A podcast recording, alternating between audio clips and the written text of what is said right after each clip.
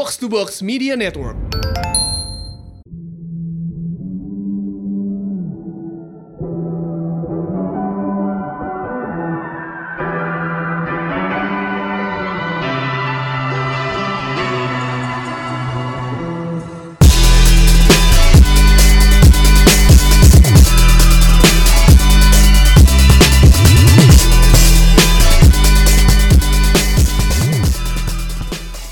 Showbox Podcast, ada gue Lisa. Dan gua Angga. Dan hari ini kita bakal ngebahas film terbarunya Kimo Stambul yang berjudul Dread Out.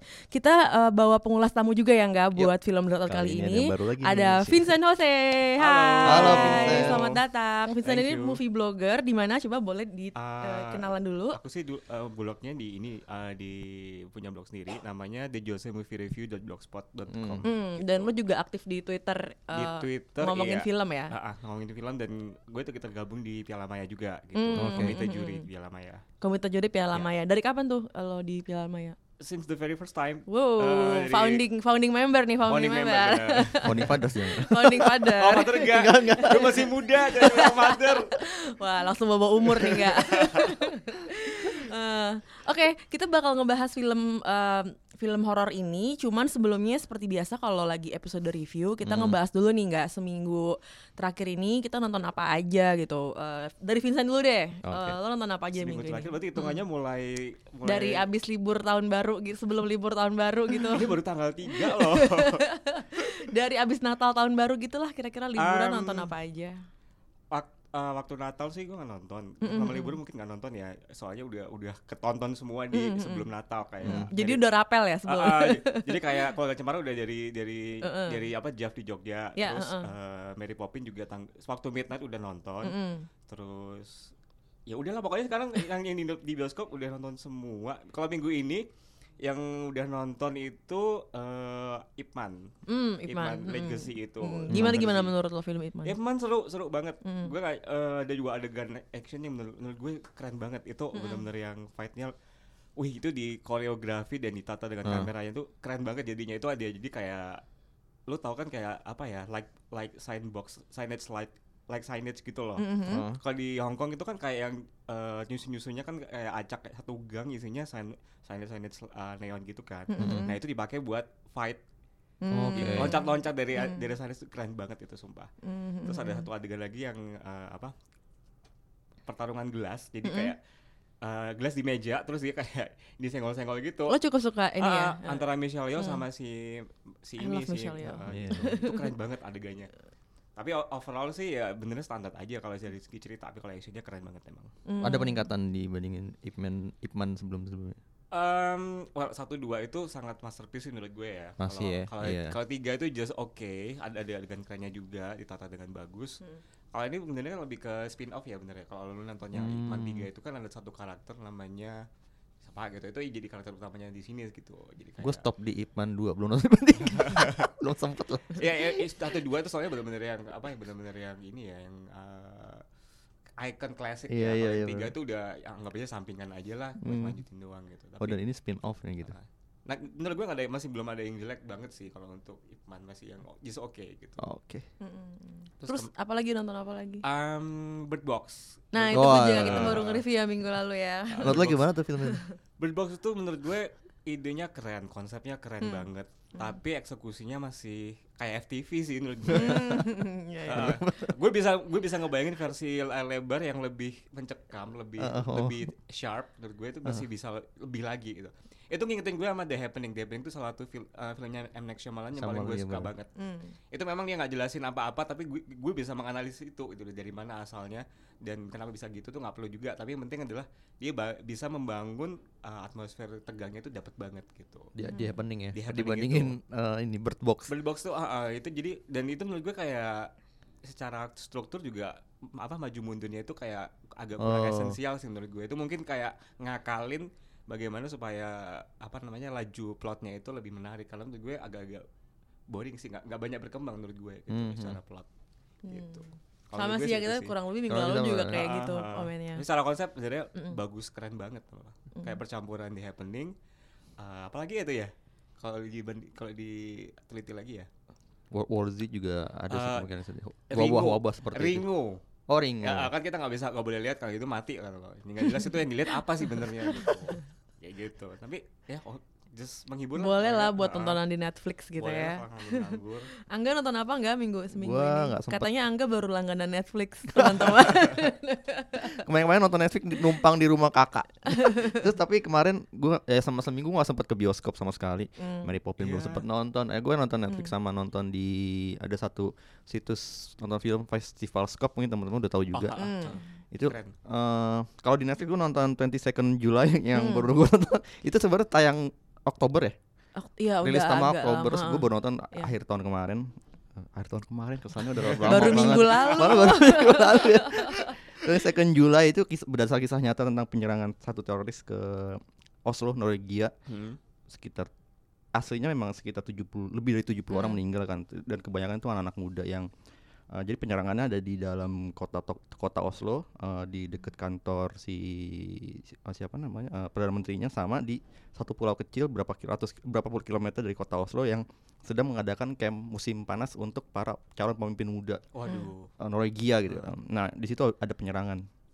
Banyak yang meninggal dan kisahnya tentang gimana uh, si ini fi- film yang bikin si Paul Greengrass yang bikin Hmm. United 93, uh, Bond Bourne. Trilogy Bourne. dan Hmm. Captain Phillips dan uh, Green Zone. Nah, ini kisahnya tentang gimana dia mengeksplor karakternya si satu teoris yang namanya Anders Behring Breivik. Semoga gue bener ngomongnya.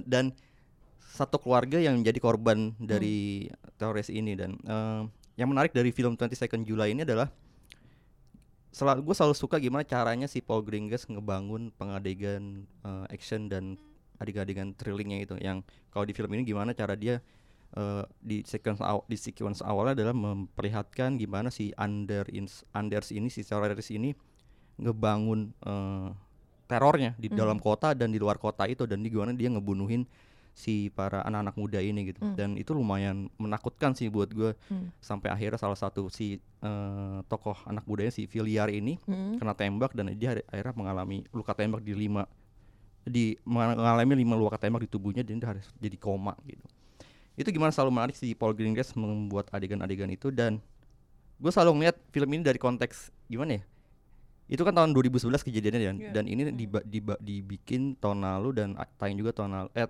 tayang juga tahun lalu dan kon apa ya fenomena ini masih terjadi sebenarnya kan di Eropa Mhm. gitu dengan dengan kondisi geopolitik di sana Iya. yang anti imigrasi eh, yang mulai ada gerakan-gerakan untuk mengata- untuk menyetop anti imigrasi eh, apa untuk untuk me- apa namanya mengkampanyekan anti imigrasi dan ada beberapa negara juga yang udah punya mulai banyak pemimpin pemimpin pemimpin dari sayap kanan juga gitu kan Hmm. Film ini kayak memotret kondisi itu dan Hmm. fenomena ini masih terjadi di mana pun gitu di- terutama di Eropa dan eh, ini jadi kayak semacam peringatan sih sebenarnya buat eh, dunia juga gitu lewat film ini gitu ya. Hmm. itu menarik buat gua politis banget ya film film ini apa gue yang terlalu politis ya Lo suka enggak? suka gua Oke. Ya, untuk sebuah film yang gua tonton di dalam layar handphone Duh, film ini menarik banget Masih ini nggak kameranya goyang-goyang nggak kegelingas? oh udah, udah berkurang banget sih Ah. ini lebih dia Tapi lebih stabil. Ma- beberapa adegan Oh. masih cuma udah yang adegan di dalam kayak dalam rumah atau itu Hmm. udah mereka udah pakai kayak pakai tripod sih kayaknya atau pakai pakai apa kayak rel Monopod. Iya. ya tapi untuk beberapa adegan yang memang kayak mengadegan dia penyerangan teroris di pulau itu di pulau Troya yang membunuh anak-anak muda itu itu masih pakai handheld cuma nggak se memusingkan di Hmm. Bond trilogi sih gitu Ya kan di layar HP juga nggak terlalu kerasa ya. nggak kerasa makanya untungnya makanya di, di handphone masih gue bisa bisa bisa menikmati gitu Itu exactly dia maunya lo nonton di layar HP Ah. kayaknya. mungkin nggak Ini kayak, kayak Roma, Roma kan ada, ada apa bercand- bercandanya kan kayak eh, what's a Roma eh, as is intended to be gitu kan. Oh. Enggak ya. Di layar ini dong, di layar PSP dong. Banyak meme-meme yang keluar Game, ketika Roma rilis eh, karena itu film bagus banget sih Gue juga pernah nonton itu sih, baru nonton. oh udah udah kita review kemarin Udah, Udah, heeh. Terus apalagi enggak lo nonton ada Gua- film yang iya, terus, lumayan eh, obscure.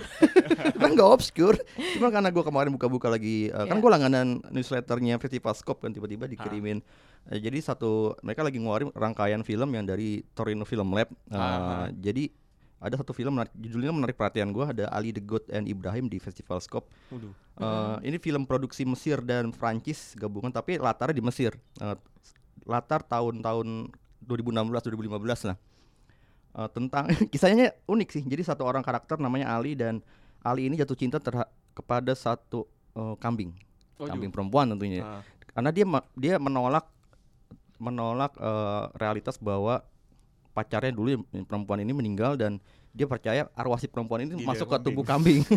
Dan dia jatuhnya pada kambing itu dia kambingnya selalu dirawat dengan baik di rumahnya. Di rumahnya itu ada ibunya juga yang selalu pengen a- memasak kambing itu gitu. Aduh. itu film pendek panjang sih? film panjang Film film panjang, panjang. terus akhirnya eh teman-temannya semua tuh teman-teman si Ali ini ya mereka udah memahami Ali seperti itu gitu. Hmm, hmm. dan tapi beberapa orang di lingkungan rumahnya itu suka mengata-ngatain Ali wah lu Ali the goat Ali the goat gitu kan. Hmm. nah dia ketemulah dengan satu orang lagi namanya Ibrahim tetangganya lama yang udah lama nggak ketemu teman masa kecilnya juga. Ibrahim ini punya keunikan dalam artian dia satu keluarga. Yang jadi itu kayak punya eh, kelainan di kuping. Dia sering sering mengalami serangan bunyi-bunyian melengking yang membuat dia Oh, iya, iya, kepalanya iya, iya. pusing Heeh. luar biasa gitu dan itu membuat dulu ibunya akhirnya bunuh diri karena dia saking nggak kuatnya dan kakeknya akhirnya saking nggak kuatnya juga dia sengaja menulikan kupingnya sendiri Oh, gitu oh, oh dan akhirnya Eh. gara-gara kejadian itu eh, suaminya si ayahnya si Ibrahim ini pergi meninggalkan si keluarga ini sejak kecil dan ah, Ibrahim ternyata mencari-cari itu. Ali dan Ibrahim ternyata bertemu dalam satu eh, klinik orang pintar gitu kan. Mhm. Mereka menyaran disaran mereka menyarankan si orang pintar menyarankan udah kalian eh, pergi ke keliling ketiga tiga pantai yang ada di Mesir untuk melemparkan tiga batu. Mm-mm. Ya gitulah, mistis gitu. Dan mereka melakukan itu akhirnya bersama-sama. Kejadian banyak kejadian lucu selama perjalanan ini gitu. Ini ki- kisah sebenarnya setengah road movie, setengah dra- setengah bukan road movie gitu. Jadi mem- memang ini tentang gimana mereka itu menyembunyi, me- menyembunyi menyembuhkan apa yang orang-orang anggap itu sebagai kelainan pada diri mereka gitu. Dan ini menarik sih. Dan ketika akhirnya ini gua tonton, gua melihat kayak oh oke ini kayak realitas kelas menengah masyarakat Mesir gitu kan. Menengah bawah malah Hmm. yang ter, yang di, digambarkan dengan cara yang lebih komedi dan lebih realistis juga. Ya. Komedinya kerasa banget komedi-komedi absurd gitu, kayak nonton film Coen Brother gitu kan. Terus I love Coen Brother. iya. Dan ini mungkin menjadi contoh yang menarik buat jadi pat- kemarin kita review berapa minggu lalu kita review tentang Mili Mamet.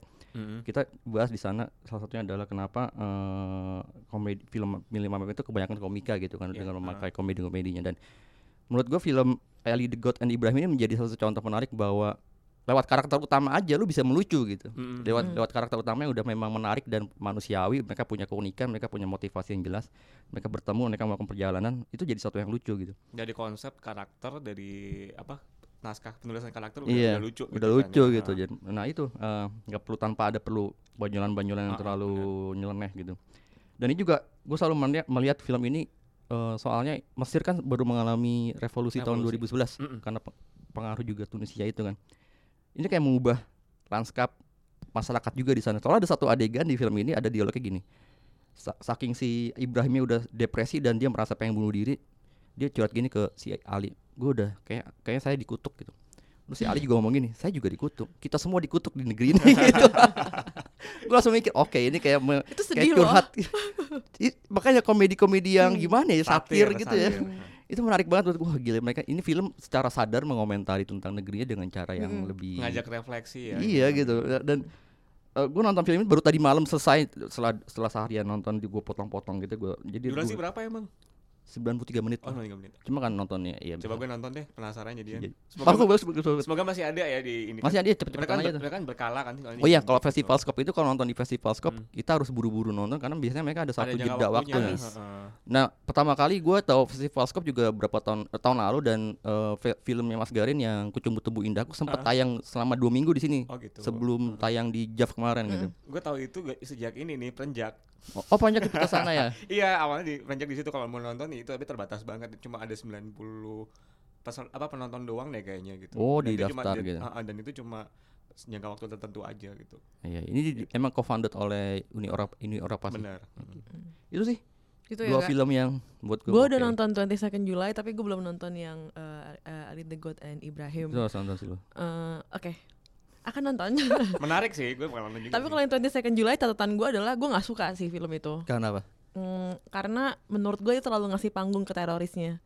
Dan lo jadi lo jadi nggak oke. kenal sama eh, korban-korban. Malah korban ah, ya. gitu. Lebih Padahal kan pembenaran ya. eh, ya. iya gue di eh, setengah dan mau ceritanya abis gitu gue langsung kayak kok gue jadi lebih familiar sama si karakter ini karena kan dia sempat kayak minta duduk bareng terus dia menjelaskan ideologi dia gitu kan gue kayak I don't need to hear this like no Dan kita dikasih, oh ya kita juga dikasih lihat gimana perubahan eh, dia pendapatnya Iya. di- tadinya pengennya dianggap gila, akhirnya dia nggak pengen dia pengen dapat panggung juga gitu. Ah. Mm-mm. Tuh sih. Minggu ini gue nonton Mary Pop Mary, Mary Mary. Pop, uh, Mary. Poppins Returns ya nonton itu eh nostalgic banget tapi tetap lebih suka yang, yang Yang original. tetap lebih suka yang Mary Poppins yang biasa. Eh, cuman emang Emily Blunt bagus banget, sih. Banget. gue sangat menikmati dia jadi Mary Poppins di film ini Dia dan kayak effortless banget sih iya Mary dia tuh bisa ya main apa aja ya. Iya iya benar-benar. Gila sih dari terakhir kan nonton uh, Emily Blunt di Quiet, Oh, Pla- oh, Quiet uh, uh, Place, uh. Quiet Place kan. Jadi kayak beda banget nih dari Mm, yang dia jadi kayak surviving mother terus jadi uh, tokoh yang beloved banget buat uh, orang Inggris dan terutama ya orang-orang yang udah nonton film zaman dulunya gitu ya. gue suka sih ini kayak tipikal heartwarming movie kayak kita Benar, nonton. Paddington kayak gitu-gitu yang emang meromantisir London gitu ya kalau nggak keberatan dengan meromantisir London sih eh, eh, itu bagus banget tapi kenapa gue bilang meromantisir London Ya. karena gue juga barusan nonton Derry, Derry Girls di Mhm, Netflix ini Ah. serinya eh, di- dibuat oleh Lisa McGee ini serial Irish eh, cuma 6 episode eh, dan karena ini dibuat oleh orang Irlandia, eh, mereka sering mengolok-olok orang Inggris gitu, Oh, jadi gue oke. suka banget. Jadi ada orang, ada karakter Inggris. Jadi ceritanya tentang empat perempuan di sekolah eh, Katolik asrama ya asrama bukan asrama sih jadi kayak se- karena mereka tetap pulang ke rumah gitu Ah, loh oke. cuman emang sekolah eh, tipikal sekolah di Inggris gitu ya di Britania Raya gitu yang pakai blazer yang Ya, harus. Oke. yang very preppy gitu dan, dan maksudnya kayak anak-anak bener-bener anak anak sekolah agama gimana sih yang eh, yang dipimpin oleh suster gitu yang emang Ah, kalau di ah. sini mungkin kayak tarki gitu Iya, kan. iya, iya, iya, benar-benar. Tarki gitu. Eh, cuman ya itu yang ada satu yang eh, SJW banget. Ada satu ada satu tuh yang kerjaannya nu- nu- nulis-nulis diary terus marah-marah. Ada satu yang bandel gitu. Jadi kayak gue sangat menikmati joke-joke yang ada di eh, serial ini. Eh, ini katanya keluar awal tahun lalu sebenarnya. Cuman gue baru lihat di Netflix sih kayak sekitar semingguan terakhir ini dan gue langsung nonton itu selama liburan kemarin tuh kayak abis dalam sehari Maraton gitu ya? Heeh, karena cuma 6 episode Hmm, dan iya. pendek-pendek gitu kan dan lucu-lucu banget jadi gue sangat yang kayak wah ini bagus banget sih menghibur dan sangat apa ya mengolok-olok Inggris gitu loh jadi gue agak Dari eh, musuh politiknya gitu ya, ya. kira-kira kayak gitu, kira-kira kayak gitu ngomongin Brexit. Dengar kayak gitu jadi inget ini nih. Apa, Apa dulu ada film tahun 90-an judulnya Hmm. Strike. Pernah tau nggak Hmm. Kirsten Oh, Dunst itu? Oh tahu tahu gue Kan tahu. kayak gitu-gitu kan Iya. ya, Cuman ini tuh lebih apa ya? Karena kayak emang orang-orang lokal gitu loh yang kayak ah, ah. yang kelihatan jadi kayak emang dari logatnya apa itu kan cukup kontras kan Hmm. iya, Irish benar, sama benar. English gitu, English eh, accent. Eh, iya kalau gue paling dua itu yang gue tonton Mary Poppins Return sama Derry Girl sama gue baru dengerin Hop- Homecoming podcast. Jadi ini eh, podcast yang dibuat sama Gimlet Media, Hmm. eh, series enggak tentang Fiksi. eh, fiksi. Hmm. Eh, jadi nah ini dibuat seriesnya. Jadi ada ad- diadaptasi oleh Amazon jadi Hmm, TV hmm. series. Oh, iya. Dibintangi oleh Wow. Julia Julia Roberts. Nah, itu gue sebenarnya Oh iya gue dengar heeh. Nah, gue sebenarnya pengen berhenti langganan Netflix sebulan nih. Mhm. Eh, nanti kan cycling gue kan tanggal 22 nih billing cycling gue. Gue pengen berhenti langganan Netflix dan gue pengen coba Amazon Prime Amazon buat Prime. sebulan. gue pengen nonton Homecoming ini dengan eh, sama si Mrs. Maisel juga gue pengen nonton gitu. Jadi rencananya, jadi gue lagi nyelesain podcastnya dulu. Abis itu gue mau dengerin, eh mau nonton seriesnya yang Julia Roberts. Berapa gitu. episode podcastnya udah? Eh, podcastnya satu season cuma 5 episode oh, gitu. oke. Jadi Oke. tentang apa ya? Eksperimen namanya Homecoming, Homecoming Initiative. Eh, itu tuh kayak semacam bereksperimen dengan ingatan para tentara militer Amerika gitu. Yang Veteran- udah veteran ke, gitu. ke Heeh, heeh, jadi- Irak gitu. Heeh, jadi kayak di, semacam dicuci pikirannya dan bikin dibikin lupa sama apa yang pernah terjadi. Jadi mereka tuh bisa dikirim lagi gitu. Oh, buat dikirim lagi. Mm-mm, Bukan gitu. buat hidup di masyarakat. Parah Kirain bener ya. ngilangin itu- trauma kirain Iya, kan? jadi menghilangkan trauma, tapi dia bener-bener jadi lupa. Jadi dia kayak tentara baru, kayak tentara baru yang nggak pernah turun perang aja gitu. Oh Jadi my god. eh ya gitu dan Oh, seru ya. banget sih seru banget dan ngebayangin ini cuma ada di eh, podcast sih gue sambil dandan gitu ya dengerin podcast serem gitu kayak seru juga ternyata Eh, Ini itu kayak sih. sandiwara radio gitu iya ya? sandiwara radio Hmm. exactly gitu Eh, dan ini cuma ada dua baru ada dua season satu seasonnya lima episode jadi kayak kalau mau didengerin eh, Menarik, cukup menarik, bisa kok cuma setengah jam per Iya, episode bisa, nih bisa sambil juga. jalan ke kantor ya. sambil dengerin. tapi dengerin show- showbox juga oh iya. Yang tetap pesan sponsor. Oke kita mulai aja langsung ke review kita tentang film Dread Out Sebelumnya dengerin dulu trailer dari film Dread Out berikut ini Yuk, yuk.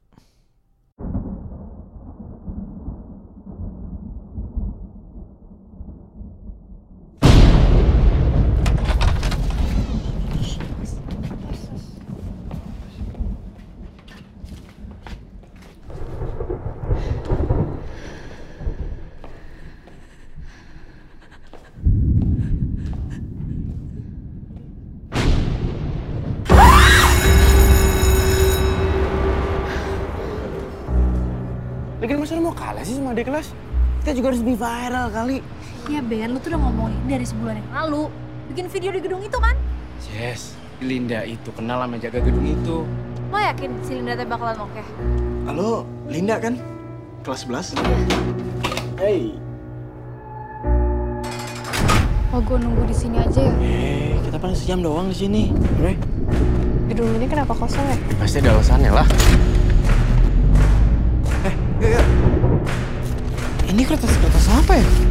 Gue ngerasa gue pernah di sini sebelumnya. Sampurasun.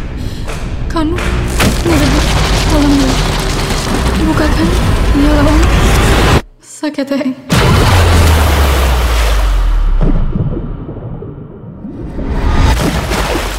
Kayaknya kolam itu pintu deh. Dan harusnya kita itu nggak boleh masuk dalam pintu itu. Ini mana, Lin? Masa sih kita harus pergi dari sini? ¡Si la libertad de lo que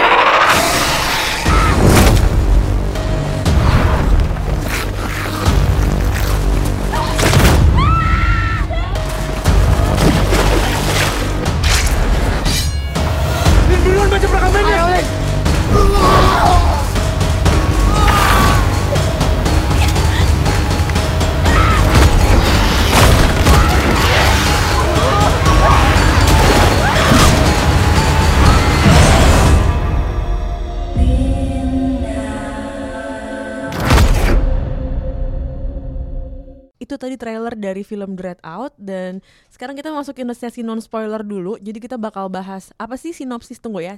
Nanya Angga dulu nih enggak Sinopsis dari film Dread Out apa sih enggak Tentang apa sih filmnya? Oke, dengerin ya. Iya. Pak. Ini Pak Padahal ini gua, ini gua ngutip dari filmindonesia.org.id. Jadi tentang ada sekelompok eh, remaja namanya Jessica, Benny, Dian, Alex, Eric dan Linda. Mereka ingin populer eh, dengan merekam petualangan mereka ke sebuah apartemen yang udah lama terbengkalai untuk diunggah ke akun media sosial mereka. Mereka pergi ke sana karena tertarik dengan keangkerannya dan pengen merekam keangkerannya itu. Linda lalu membujuk eh, Kang Heri eh, satpam di sana untuk bisa masuk ke apartemen. Linda dan kawan-kawan menemukan satu unit apartemen yang diberi tanda batas garis polisi. Karena ingin tahu dan penasaran karena rasa penasaran mereka, mereka mendobrak pintu apartemen itu. Ketika sedang meneliti isi kamar itu ada apa aja, mereka lalu menemukan sebuah perkamen kuno yang isinya adalah eh, sebuah tulisan yang hanya bisa dibaca oleh Linda, tulisan-tulisan kuno juga. Setelah Linda berhasil membaca tulisan itu, mendadak sebuah portal terbuka di lantai. Tanpa sengaja Linda dan kawan-kawannya eh, tersedot ke dalamnya dan berpindah ke alam lain dan membuat murka para makhluk Hmm. supranatural itu. Iya. Terus suaranya harus kayak dukun harusnya kayak gitu. Oh, oh, gitu? Itu. Nah nadanya gini nggak yang Oleh para penguasa alam Diulang, diul- diulang apa? Oke tadi itu dia sinopsis dari film Dread Out nih karyanya Kimo Stambul ya. Iya, Eh, karya Kimo. perdana sendiri ya, Iya, solo ya, Ah, ah. sejak pisah dengan bisa baik-baik. kisah baik-baik ini. Siapa aja yang dibilang ada Kathleen Hallerman, ada Jeffrey Nicole, ada Susan Sameh, siapa lagi nggak? Ada Marsha Arwan, ada Irsya Dilah. Mm-mm. Ah, ah. Sama Cicio, Cicio Manasero. Cicio Manasero ya, Cicio Manasero dan Ada oh sama Mike Lukok ada jadi Ya, jangan lupa itu Gitu. mic-nya. si Pak Satpam ini Pak Satpam. Kang Kang Heri. Eh, nah ini sekarang ada di sini ada Vincent yang sempat main game karena kan Iya. ini dia di, diadaptasi Ah, ah, oleh game, game. ya. Jadi game Dread Out ini game lokal ya, Game lokal, ah. Indonesia gitu, terus diadaptasi menjadi film gitu. Hmm, hmm, hmm. Eh, Vincent dulu deh, gimana menurut lo eh, sudah main gamenya terus nonton filmnya tadi malam gitu gimana? Um, pertama gue mau cerita dulu ya di waktu main Mm-mm. gamenya itu gimana. Jadi Mm-mm. waktu gue baru main gamenya itu setelah tahu mau di mau di ini mau di apa mau diadaptasi ke film. Mm. Uh, waktu itu gue belum pernah dengar sebelumnya apaan sih game di Red Out gitu. Tapi katanya katanya sih kayak game Indonesia pertama dan itu sukses banget sampai di Mm. Eropa, di Iya. Australia. Ternyata itu adalah game dari uh, pakai Steam ya. Apa namanya? Iya Steam. ya. Mm-mm. Uh, Gue tau Steam. gue bukan gamer. Iya kayak jadi kayak gimana tuh? kayak jadi kayak main game di PC, Hah? uh, uh, tapi itu kayak kayak secara online. Steam gitu. Oh iya, iya, iya, nah, Steam iya. Greenlight. Kalau ya. zaman dulu kan main di PC kan kita eh, harus install dulu. Ah, gitu ah. kan. Ini enggak secara Ini online, jadi online. kayak tersambung semua gitu loh. Eh, mungkin permainannya nggak eh, tekniknya nggak nggak beda jauh sama kayak apa ya kayak Resident Evil, Hmm. kayak apa sih zaman dulu tuh gue lupa. Bukan top, bukan top, ya kayak Resident Evil yang paling deket menurut gue. Tomb Raider. Eh, Lama banget ya gue. Tomb Raider eh, ya Jangan bisa tanya gue karena gue cuma tahu The Sims. Very valid. Oh my god. Ya, ya mungkin juga yang paling terkenal Hmm. Counter Strike ya. Counter Oh, Tapi Counter Strike. Counter Strike itu kan Iya, iya. eh, kayak Tembak-tembakan. soldier kan. Iya, Kalau ini soldier. kayak eh, sudut pandangnya adalah Horor ya. gadis remaja, gadis SMA gitu. Oh, memang namanya remaja. si Linda itu. Hmm. Dan dia itu kayak menjadi apa ya? pe- Pemburu sosok-sosok hantu, sosok makhluk halus. Di antaranya yang paling yang paling stand out itu adalah pocong yang bawa celurit. Oh ada sih. Hmm. Oh dia pemburu. Hah? Dia di, di, di game itu sebagai Ah, pemburu. ah, jadi eh, apa namanya point of view dari Linda ini sih dia Hmm. kayak pemburu hantunya itu dan pem- dia tuh Hmm. senjatanya cuma pakai handphone. Oh bener ah, berarti jadi- kita mempertanyakan itu dari kemarin ya. Iya jadi kalau di filmnya sih jelasin pakai flashlight gitu loh. Iya. Pakai Flashlight itu di cepet cepet cepet cepet gitu loh. Hmm, gitu. Oke. Dan yang paling yang selain yang apa pocong dengan celurit itu ini ada namanya kebaya merah gitu. Oh itu emang ikoniknya itu. Nah, ah, jadi kan kalau lihat di poster ada yang paling gede sendiri di atas, Iya iya. yang ah gitu itu tuh kayak kebaya Ya emang merah itu. giginya Emang gitu giginya juga. bergerigi gitu. Iya makanya kayak Venom gitu, eh bukan Venom ya, yang Iya, iya, Venom juga ada yang kecil ya. Terus kuku kakinya juga kayak gitu seru. Kalau game yang yang PC kayak kayak mungkin permainannya biasa-biasa aja kayak kayak main Counter Strike kayak main ini kan. Tapi gue nyobain itu VR. Jadi Hmm. Waduh. Astaga. atmosfernya tuh lebih Vincent kenapa sih lo? Iya itu Ya, gue tuh penasaran, tapi gue juga deg-degan. Ini gimana ya? Gue bakal kayak gimana nih gitu loh. Pas gue pakai ininya apa? eh Iya. buka kacamatanya itu. Terus eh, kan gue megang kayak kayak joysticknya tuh Iya. kayak megang megang ini Ah. apa? Megang pistol tapi misalnya itu Oke. handphone gitu. loh. Ah. Dan itu tat- yang menurut gue yang paling paling menarik adalah tata, tata suaranya gitu. Jadi kayak Ah, Oke. Suraunya tuh kerasa banget. Iya. Jadi kita kayak kita bisa eh, apa ya? Harus menebak-nebak eh dari arah mana nih, dari arah mana nih. Heeh. Dan terkadang hantunya itu cuma bisa kelihatan dari HP-nya itu gitu. Jadi kayak Oh. Oh berarti emang ah. benar gitu. Mhm. jadi ah, kayak, kayak kayak waktu kita lihat biasa aja gitu kan. Tapi eh, begitu lihat di HP loh, apa ini kok tiba-tiba tiba-tiba darah gue mengurang gitu kan. eh, ternyata gue, gue naikin HP, eh alah ini ada hantu di depan. Anjing banget kan gitu. Berarti emang harus aktif banget itu kepala lo ya. Itu kalau VR gimana ya? harus Gue keliling, lihat pingsan sih kayaknya. itu serem banget sih. Jujur aja Iya, serem. banyak yang gue tanya teman-teman gue yang gamer kan gue nyari orang buat diajak ngobrol soal film Ah. ini ya karena mereka pada nggak berani main karena katanya ini tak gimana nakutin banget Emang serem kayak, game- buat "Ah, gua game ya?" main gitu Benernya eh, jujur kok gue gue bukan tipe orang yang gampang takut dengan situasi yang gue tahu itu nggak nyata dan itu kan kayak Oh, apa, oke. animasi 3D kan Iya, ya. iya, Jadi iya. Tapi gue tetap aja eh, tiba-tiba muncul nongol gede gitu Kaget. kan kaget. Dan kadang-kadang kayak yang apa dia kayak mau nyabet gini kan kelihatan banget kayak kayak gue otomatis menghindar gitu kayak refleks Iya. kan kayak gitu tapi lo pernah kena celuritnya nggak waktu main? Iyalah pasti. Sumpah serem banget. Kayak dia nembus-nembus gitu kan juga dari dari ujung dari ujung pojok kanan depan misalnya terus dia tiba-tiba lewat ke begini gue ke mana bayi gitu. sih nggak kayaknya nggak akan pernah main harus coba deh seru loh satu semenit aja semenit aja gitu, coba di mana Gitu. kalau gue mau nyoba itu ya Harus kan gue nggak punya PC. uh-uh, nggak Ah. punya VR-nya gitu kalau setahu gue sih ada di kemarin waktu premier kemarin ada di, kan di CGVG itu ada loh permainan buat VR oh kan, iya iya iya iya iya. gitu. waktu di uh, onsite-nya ya Ah, ah. Nggak- nggak tahu itu bakal bakal bisa dimainin Iya ya. seterusnya atau kemarin doang sih harusnya bisa buat main terus semoga antar kalau balik ke CGV masih ada Ah, coba aja deh coba tapi gimana pendapat lo tentang uh, film ini filmnya filmnya Hmm. sendiri benernya kalau boleh aku eh, apa lihat secara keseluruhan itu menurutnya kayak this is the origin story from the movie gitu Hmm. jadi Oke. kayak ini eh, kita diajak untuk ini loh awal asal mulanya kenapa bisa ada Hmm. eh, makhluk-makhluk halus ini gitu kenapa Hmm. Linda bisa terlibat di di dalam ini petualangan ini. Hmm, Kalau di oke. gamenya ada ada karakter nama Jadi menjelaskan Ah, ya. ah, kalau di gamenya ada namanya Linda itu sama Bu Siska. Bu Siska itu kalau di filmnya digambarin sebagai gurunya dia. Ini di Ini film yang dimainin Hana Arash Hana Arash. Hana Rashid Hmm. benar. Tapi di film ini kayaknya masih baru di awal-awal banget dan di ending. Ah, ada oke. oh ya sebelumnya gue mau ngomong di film ini ada dua after credit. Jadi Mm-mm. Iya iya. salah satunya di after creditnya itu penting sih. ya. After Ah, creditnya sangat penting menurut Bisa gue. jadi kayak Jadi kalau yang mau pipis tahan dulu aja kalau. Ah, ah. Cepet kok nggak tahu lama kok kreditnya. Iya. Heeh. Nggak kayak film-film Marvel. Nggak kayak Marvel yang ditunggu sampai akhir banget itu nggak penting lagi cuman kayak Kadang-kadang nggak penting. trolling banget. doang gitu. Jadi kayak kita diperkenalkan dengan Iya. kon- menurut gue secara konsep eh, pemikirannya origin story-nya keren banget sih kayak Hmm. ternyata ada apa namanya kayak portal ke apa dimensi lain dimensi makhluk halus itu kayak Mm.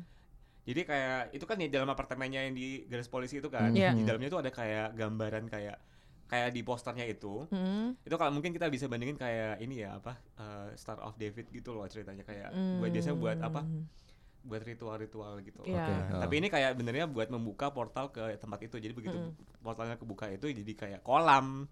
Kolam kolam yang gelap itu terus Iya. kalau lu nyemplung Pindah eh, loh. pindah keluar-keluarnya itu udah di kayak hutan. alam Hutan. lain. Nah, Itu kalau di game nggak bukan nggak ada portalnya. nggak ada, nggak ada. Jadi Oh, oke. bener-bener kayak di dalam ruangan kayak di di raid gitu, ruangan Oh. kayak di gedung gitu. Oh, berarti portal tuh elemen baru deh. ya Bener, dalam bener. filmnya. Nah, makanya gue bilang pengembangan konsepnya keren banget benernya. Hmm. Hmm, Oke. Kalau Angga gimana enggak? Gue pas pertama kali nonton film ini, ini karena Kimo Kimo Stambul ya, dan Iya. eh, dia adalah saudara saudara sesama Kimo Brothers gitu. Saudara beda ayah. Saudara beda ayah beda ibu. Saudara sealiran. Ta- Tapi Ini- satu, satu produser waktu itu. Iya, produser.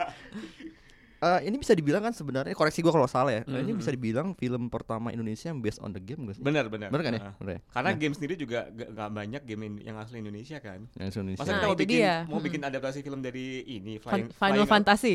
Enggak enggak kayak apa Flying Bird dulu ya apa terkenal. Oh, Oh, Angry Bird. Angry- Bukan, Bukan yang ya. ini. Yang mana sih? yang Flappy sempet- Bird. Flappy Bird. Oh, Flappy Bird. Masa kayak gitu dibikin. Bayar license-nya udah bisa buat syuting berapa film kalau game luar. Iya, eh, menurut gue karena ini film diadaptasi dari game pertama di Indonesia, di- ini Hmm. kayak berpeluang gede banget buat mengeset standar produksi Benar, eh, film adaptasi jenis ini gitu kan. Iya. Dan memang kelihatan kelihatan banget Kimo sebagai filmmaker yang biasa kita lihat membuat film-film horor gitu, kayak Rumah Darah, Darah gitu. Eh, dan thrill thriller kayak apa? eh, Headshot. headshot. Kelihatan banget emang si Kimo berusaha untuk menjaga atmosfer horornya itu, mistiknya juga ada gitu dengan dan bahkan dia menaruhkan menaruh elemen-elemen action dari awal film gitu. Hmm, hmm. Kelihatan ada upaya untuk melihat eh, untuk membangun set artistiknya juga untuk untuk mendukung atmosfer itu.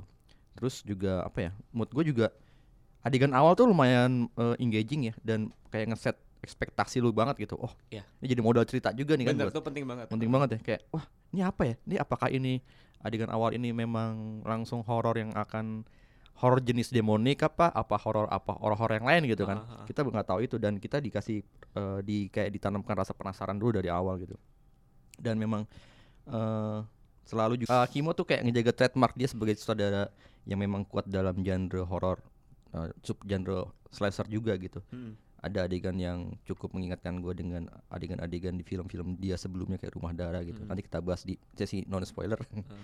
Dan juga, nah yang paling yang paling gue lumayan em, apa ya kayak ngena sedikit ngena di gue adalah karena gue punya darah Sunda juga di tengah-tengah. Gue Oke. campuran Jawa Jadi, Sunda. Bener, karena Jadi- di dialog dialog setannya pakai apa bahasa Sunda ya. Bahasa bahasa Sunda yang halus padahal ya. Jadi gue tadi gue nonton Red Note sebelah Angga, Angga Ah. jadi translator gue. Apa enggak artinya? Lihat cicing, apa cicing. cicing? Apaan enggak cicing? Ada subtitlenya. Ada yang enggak ya? Ada yang Ga? nggak ada, Ada yang enggak Ada ada. yang enggak ada. Terus iya makanya ada komedi-komedi yang cukup mengena buat gue antara dia memang mencampurkan sedikit bahasa Sunda sama black comedy gitu loh. Kayak lu eh, eh, nanti kayak ada satu adegan yang Si lumayan ya. slasher gitu dan si Mike eh si Mike yang, eh, Pak Kang Heri ini si satpam kayak ingin mencoba untuk mengambil satu bagian dari tubuhnya itu. itu lucu lah pokoknya.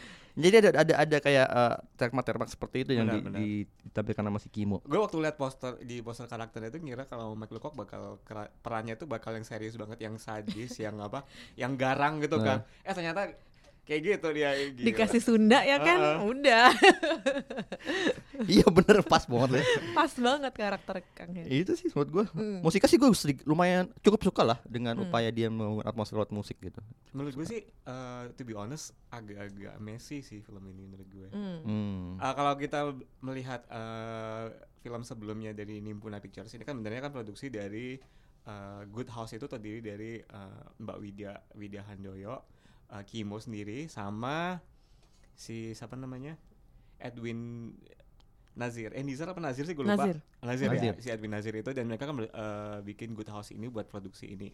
Mbak Widya sebelumnya eh, dia dari Nimpuna dia bikin eh, petak umpet Minako gitu. nah Gue oke. tuh ngerasanya kayak ini ada ke- kemiripan style dari berbagai elemen itu kayak Minako itu kayak like ini loh uh, settingnya adalah satu satu satu gedung satu ruang satu gedung terus uh, sekelompok anak-anak yang masih ya bisa dibilang anak muda.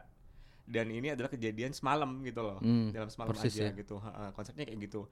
Dan uh, secara konsep emang menarik kayak dibikin gini tapi menurut gue kayak masih ada banyak pertanyaan-pertanyaan yang justru lah terus ini apa? Ini maksudnya eh, ini tuh ritual apa gitu? Maksudnya Iya, iya. eh, sejarahnya ini aja. Emang ada di gambar-gambarnya tuh ada kayak tapi kayak itu udah obviously dan karakter-karakternya kayak dibikin eh, apa masih mencari-cari lagi kayak udah kita udah kan udah bisa nebak gitu loh Hmm. ini maksudnya kayak gimana tapi mereka kayak yang masih ada proses berpikirnya gini menganalisis Hmm. kayak nggak penting banget gitu loh dan menurut gue kayak karakternya itu nggak perlu nem juga sih kayak nggak perlu gitu loh Hmm. Kita akan ngomongin karakter nanti di bagian Uh-uh. spoiler. Eh, cuman oh ini eh, masih belum spoiler belum. ya? Oke. eh by the ada way catatan gue lagi, punya ini sih Apa? lagi gue punya banyak tapi sih Cie. Wah, Tapi- banyak banget iya. tapi Tadi kan ini baru gue ngomongin di awal-awal Iya, ya, pas ha. udah jalan per, jalan seper, dua per tiga film, oke gue banyak, aduh kok, aduh, aduh, aduh, kayak, udah mulai banyak batu-batu di jalan. gue overall mirip-mirip sama Angga karena kemarin setelah nonton sempat ngobrolin bareng ya enggak ya Hmm. eh, tentang film ini gitu ya. Kalau Angga mungkin tadi gue sih gue bilang waktu itu sama lo ya waktu sebelum dia masuk sampai dia akhirnya masuk portal, Ah. gue suka nih nggak film ini. ya kan sampai sampai dia masuk ke portal itu kan tapi setelah itu mungkin menurut gue mulai kedodoran sih film ini repetisi benernya Mm-mm. bolak balik bolak balik ngapain ya sih kayak gitu. gitu benar dan gitu itu nggak rapi menurut gue Iya. kayak kita merasa kayak banyak jam jumping scene gitu kayak yang Hmm. habis ini kok tiba-tiba bisa gini sih gitu Iya betul. Kita akan bahas langsung di bagian spoiler, aja ya, Spoiler. biar Oke. lebih tenang, biar lebih tenang. Sekarang kita masuk ke sesi spoiler.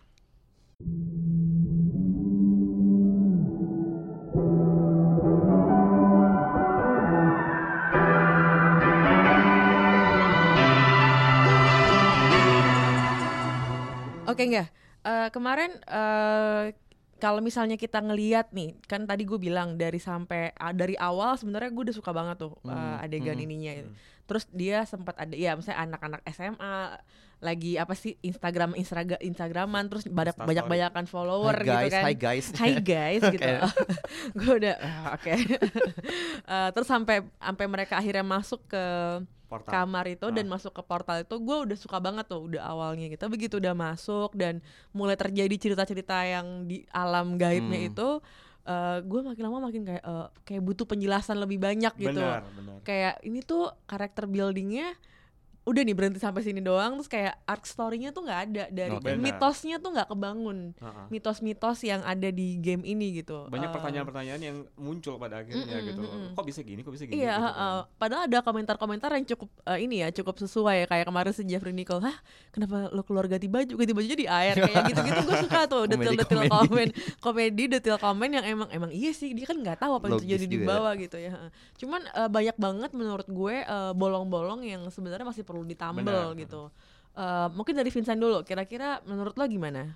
gue penasaran sih sama story film Iya. ini, eh di game dan di film ini gimana menurut Iya, karena gue banyak apakah di game emang kayak gini, Ah, ah, apa ah. yang keris, terus dia apa Oh, iya, ada keris handphone juga gitu. gitu. kan, tuh handphone gak rusak ya kena air terus nah masih itu ada. dia itu Itu itu kayak- penting tuh Ah, mungkin karena di gamenya itu nggak pernah melibatkan portal Nggak ada itu. portal kolam air ha-ha. gitu ya? basically benar-benar di gedung jadi kayak aman-aman Hmm, aja oke. dan ya emang kalau dia dari gamenya juga benernya gamenya cuma ya gitu Mm. konsepnya juga cuma gitu doang Mm-mm. tapi kalau misalnya di film ya dia di- ngembanginnya dengan portal dengan Mm-mm. dia membangun lagi Alam gaibnya itu. itu, ha, background ceritanya dengan sejarah yang kita lihat di gambar-gambarnya itu kan Iya. ada kayak pasukan komuni Belanda gitu Iya, kan. heeh. Ini benar menarik banget, menarik banget Iya. bikin penasaran. Gue tuh pengen gitu. tahu banget sebenarnya apa di Heeh. kertas-kertas itu itu ini apa kenapa sampai gitu. Kenapa gitu. bisa orang Belanda orang Belanda itu bisa masuk ke alam Iya, iya, itu benar, terus benar, benar. berhadapan dengan kebaya, kebaya merah, merah Heeh, gitu terus kan. rumah apa? Kenapa dia Iya. bisa tiba-tiba menghantui? Emang dia dibunuh sama si company-nya atau gimana Hmm, gitu? hmm. Nah itu kalau ngomongin rumahnya itu juga, ini kan bahasanya bahasa Jawa. Ha. Itu joglonya joglo, eh Eh, bahasa Sunda. Sunda, Sunda. terus joglo joglo Jawa. Jawa. Jawa Jawa. kan itu. Heeh, terus yang tulisannya itu juga Ja- Sanskrit, Sanskrit Jawa, Jawa. gitu. Wah tulisnya nggak terlalu jelas sih tulisan apa. Pas Kan, tapi pas tapi dia ngomong, disebut pas sama- dia, eh, disebut Iya dia sama- nyebutnya Jawa. Sanskrit kan. I mean Sama like si Benny ya yang nyebut ya. I mean like uh, Hmm. anak SMA mungkin dia cuma nebak-nebak aja kan. Oh ini yang dia nggak tahu. Iya, Sotoy-sotoy tulisan gitu ya? Heeh, kayak bahasa ini bahasa tulisan tulisan Jawa atau tulisan Sanskrit gitu. Hmm. Tapi kalau kita nggak pernah lihatnya dengan jelas karena juga uh, karena dibikin kayak berpendar-pendar nggak terlalu jelas juga kan akhirnya gitu. Jadi ya ya let's say kita ya kita persepsi kita di, diarahkan untuk ya udah ini Sanskrit atau Mm. Jawa udah gitu aja Iya. gitu loh. Mm-mm. Kalau menurut gue sih gitu. Mm. Eh, itu kekacauan pertama menurut gue. Iya. Ke- kedua bener ini kayak ba- banyak adegan yang kerasa bolong-bolong kayak Mm-mm. abis ini loh terutama dia yang kedodoran tuh karena dia bolak-balik antara por- uh, dunia nyata dengan Iya. dunia Hmm, gaibnya itu bener kayak tuh. kok tiba-tiba kok jadi kayak terpisah uh, dua kelompok satu gengnya kan enam orang kan terus Mm-mm. bisa terpisah loh kok ini kok waktu ini kok uh, bertiga-tiga kalau nggak salah waktu itu Hmm. yang Hmm. satu udah jelas hilang kan di dalam yang dua lagi ini tiba- uh, di sini terus yang tiganya lagi ke mana gitu loh dua si Linda sama si Heeh. Jessica kan yang yang paling yang yang paling sering yang paling sering apa namanya terpi- terpisah sendiri kan kayak si Benny sama si Mm-mm. siapa yang si Susan Sameh itu si Dian ya si itu itu kan sering hilang sendiri kan sama Cicio juga gitu si Jadi Alex si, heeh. eh, eh, terus kayak ya emang karakternya nggak perlu enam juga sih menurut gue kayak Hmm, Oh, kebanyakan. kalau di gak ada game- gunanya masing-masing di Kalau game di kita game bisa cuma Linda sih doang ya. cuma ada Linda doang oh kita nggak bisa Hmm. milih pemain lain nggak bisa Oh, kan oke. itu bener-bener karakternya bener-bener baru semua kayak dikembangin gitu loh Oh. mungkin ya mungkin uh, tujuannya mungkin uh, biar kayak kerasa all star gitu kan Mm-mm. Enggak kan kerasa emang all star banget kan itu yang Iya, bener. bintang muda yang lagi bersinar banget semuanya buat Mm. jualan juga sih gue bisa memahami itu tapi I mean like ya udah apa lu bangun uh, karakternya juga penulisan karakter harus yang ini dong yang yang orang bisa Mm. inget itu bukan sekedar uh, familiar karena dia udah terkenal aja gitu menurut gue sih itu Hmm. Uh, terus sorry tuh saya ya kalau menurut gue kayak beberapa momen-momen yang uh, jump scare Mm-mm. terus nggak itu dapet menurut gue masih kurang banget gitu. Mm. Gue cuma ada satu adegan yang bikin gue jump off the seat. mana tuh mana? mana mana Uh, ada satu adegan si siapa namanya si Kathleen-nya itu masuk dalam Heeh. lubangnya itu kan, Mm-mm. lubang lu kayak lubang apa, Oh, yang kuburan. Yang Terus ada tiba-tiba tang- tangan-tangan. tangannya, Oh ya. wah, pertama kali tuh gue loncat dong, anjing. Yang lain-lainnya menurut gue biasa-biasa aja sih. itu ada gak sih di game kagak ada. Oh, gitu. nggak ada. Ya Oh, mungkin kaget-kagetnya di, ya kan di dalam ruangan. karena ada kan. ruangan ya oke oke ini kan di tanah ya Dan menurut gue eh kayak momen-momen kayak dia mau bermaksud jump scare tapi kayak nggak terbangun dengan bagus gitu loh. Jadi kayak Hmm. tiba-tiba kaget aja- apa karakternya kelihatan kaget tapi nggak tahu itu apa. Jadi harusnya kan secara visual itu ditunjukin dulu apa sih paling nggak di di tease dulu lah. Ini Hmm. gue kagetnya kayak gini loh, ada kayak gini. Objeknya diliatin dulu gitu loh. Jangan oh iya tiba-tiba iya. dia kayak karakternya kaget langsung efeknya doang yang kelihatan jadi kayak yang kayak off screen gitu loh menurut Mm. gue yang kayak aduh momentumnya jangan banyak yang meleset sih menurut gue Hmm. momentum. Kalau Angga gimana? Gua eh, punya catatan lebih ke sinematografinya jadi Hmm. gue ngerasa ini tuh kayaknya sama dengan Vincent Ah. dan untuk mendukung juga pendapat Vincent Eh, ketika si adegan-adegan masih dalam di apartemen eh, dan akhirnya mereka pindah ke masuk portal pindah ke Hmm, alam hmm. gaib itu gue bisa gak sih nyebut itu alam gaib eh bener Bener kan? Ha. dimensi lain lah gitu. dimensi lain gitu ya Eh, menurut gue warnanya tuh kayak ah, kayak mereka bingung pembuat film ini kayak bingung buat menentukan warna dan lighting dan sinematografi kayak untuk mau biru menentukan eh, ini alam realistis ini alam yang bukan realistis Ah, ah. pada akhirnya sama-sama aja gitu gue ngeliat kayak bahkan menurut gue kalau di pas di alam gaib itu dimensi lain itu terlalu gelap terlalu terlalu dingin dan akhirnya gue nggak ngerasa spooky-nya loh gue sama Hmm. nonton film ini akhirnya gue mau nggak mau gue bandingin dengan filmnya Timo sebelum iblis menjemput Hmm, hmm. yang di situ ada adegan di gelap-gelap juga kan di hutan dan Kenapa tapi lo bandingin sama Timo enggak? eh, ya karena ada Wajar unsur keseraman enggak sebenarnya ada satu satu yang membuat gue jadi, perbandingan karena Hmm. satu adegan eh satu karakter kerasukan kan Hmm, si Dian iya ya. iya Hmm. dan Jesse- di eh Jessica eh Jessica sorry Ah. sorry sorry Jessica yang Si- dipakai kebaya merah juga oh, akhirnya Iya. betul. itu mengingatkan gue pada si karakter si Karina Suwandi di sebelum Mimpi jemput yang Benar. kerasukan juga dan Hmm. di situ make up make upnya segala macam membuat gue teringat dengan sebelum Mimpi jemput dan entah kenapa gue mengingat entah kenapa gue eh, membandingkan dengan itu tapi eh, adegan-adegan di film si Timo yang sebelum Mimpi jemput itu lebih lebih kerasa seremnya karena warna-warna memang harusnya keluar dalam sebuah adegan yang horor gitu Ah. keluar dan nggak tahu menurut menurut, gue di filmnya Dread Out ini harusnya ada beberapa warna sedikit-sedikit warna yang dikeluarkan sedikit gitu ya untuk kita bisa mencari kayak perbandingan oke ini alam realistis yang walaupun memang spooky gitu ya di Hmm, apartemen itu hmm. paling ini alam yang realistis ini alam yang bener-bener eh, dimensi lain dan gua nggak menangkap itu terlalu jadinya gua nggak melihat ini kayak Masih samar ya. masih samar-samar Ah. aja gitu. Terus juga soal teknis, gua eh, ada satu adegan kan beberapa adegan action, ada elemen action kayak si tokoh-tokohnya itu kayak dilempar, Benar, telempar. benar. Ah, Harusnya itu pak, biasanya kan itu pakai apa namanya pakai kabel kan, Ah, ditarik ah, kabel kan. Kalau adegan yang memang teknisnya dijaga dengan baik, ketika dia dilempar itu pakai harusnya pakai wide shot, eh pakai wide shot itu kelihatan kelemparnya itu. Ini Betul. ini malah dia siasati dengan langsung pakai close up. Jadi pas kelempar dia masuk ke dalam eh, dia nabrak si dinding dan hancur di- dinding hancur dia masuk ke dalam dinding. Kita nggak melihat gimana proses kelemparnya Betul. gitu. Nah itu dia. Itu kayak Tiba-tiba udah teknisnya- efek yang keluar, yang keluar Nah. efek dari adegan itu, bukan dari prosesnya itu. Iya. Nggak- kerasa ngerinya. Jadi kayak gua- enggak maunya lebih lebar ya. Karena gua men- jadi gua lebih menduga- detail benernya. Hmm. Menduga kayaknya ada kendala teknis ketika bikin adegan-adegan seperti itu. Ya mungkin juga mungkin karena Jadi disiasati dengan Ya dengan editing, Dengan editing, editing. langsung kayak gitu ya. Ya jadinya gua nggak nangkep secara Emosional. Emosional bener. juga gitu. Itu. Hmm. terus eh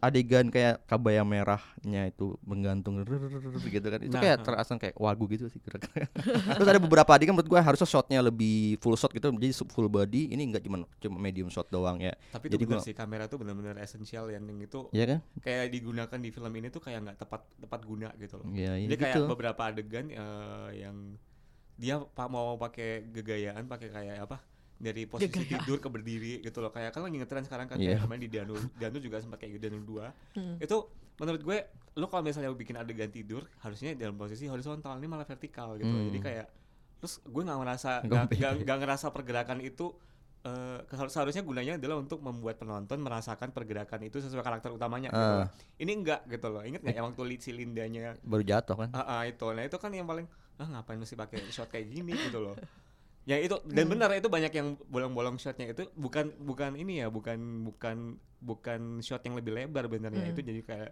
detailnya itu lah detail prosesnya itu kayak nggak kelihatan Hmm. jadi kita nggak bisa engage secara emosional nggak Iya. bisa rasa takut Kalau gue Rasa selain Lu dari gimana, soal teknis, eh, gue kurang ngerasa emotionally invested di film ini gitu.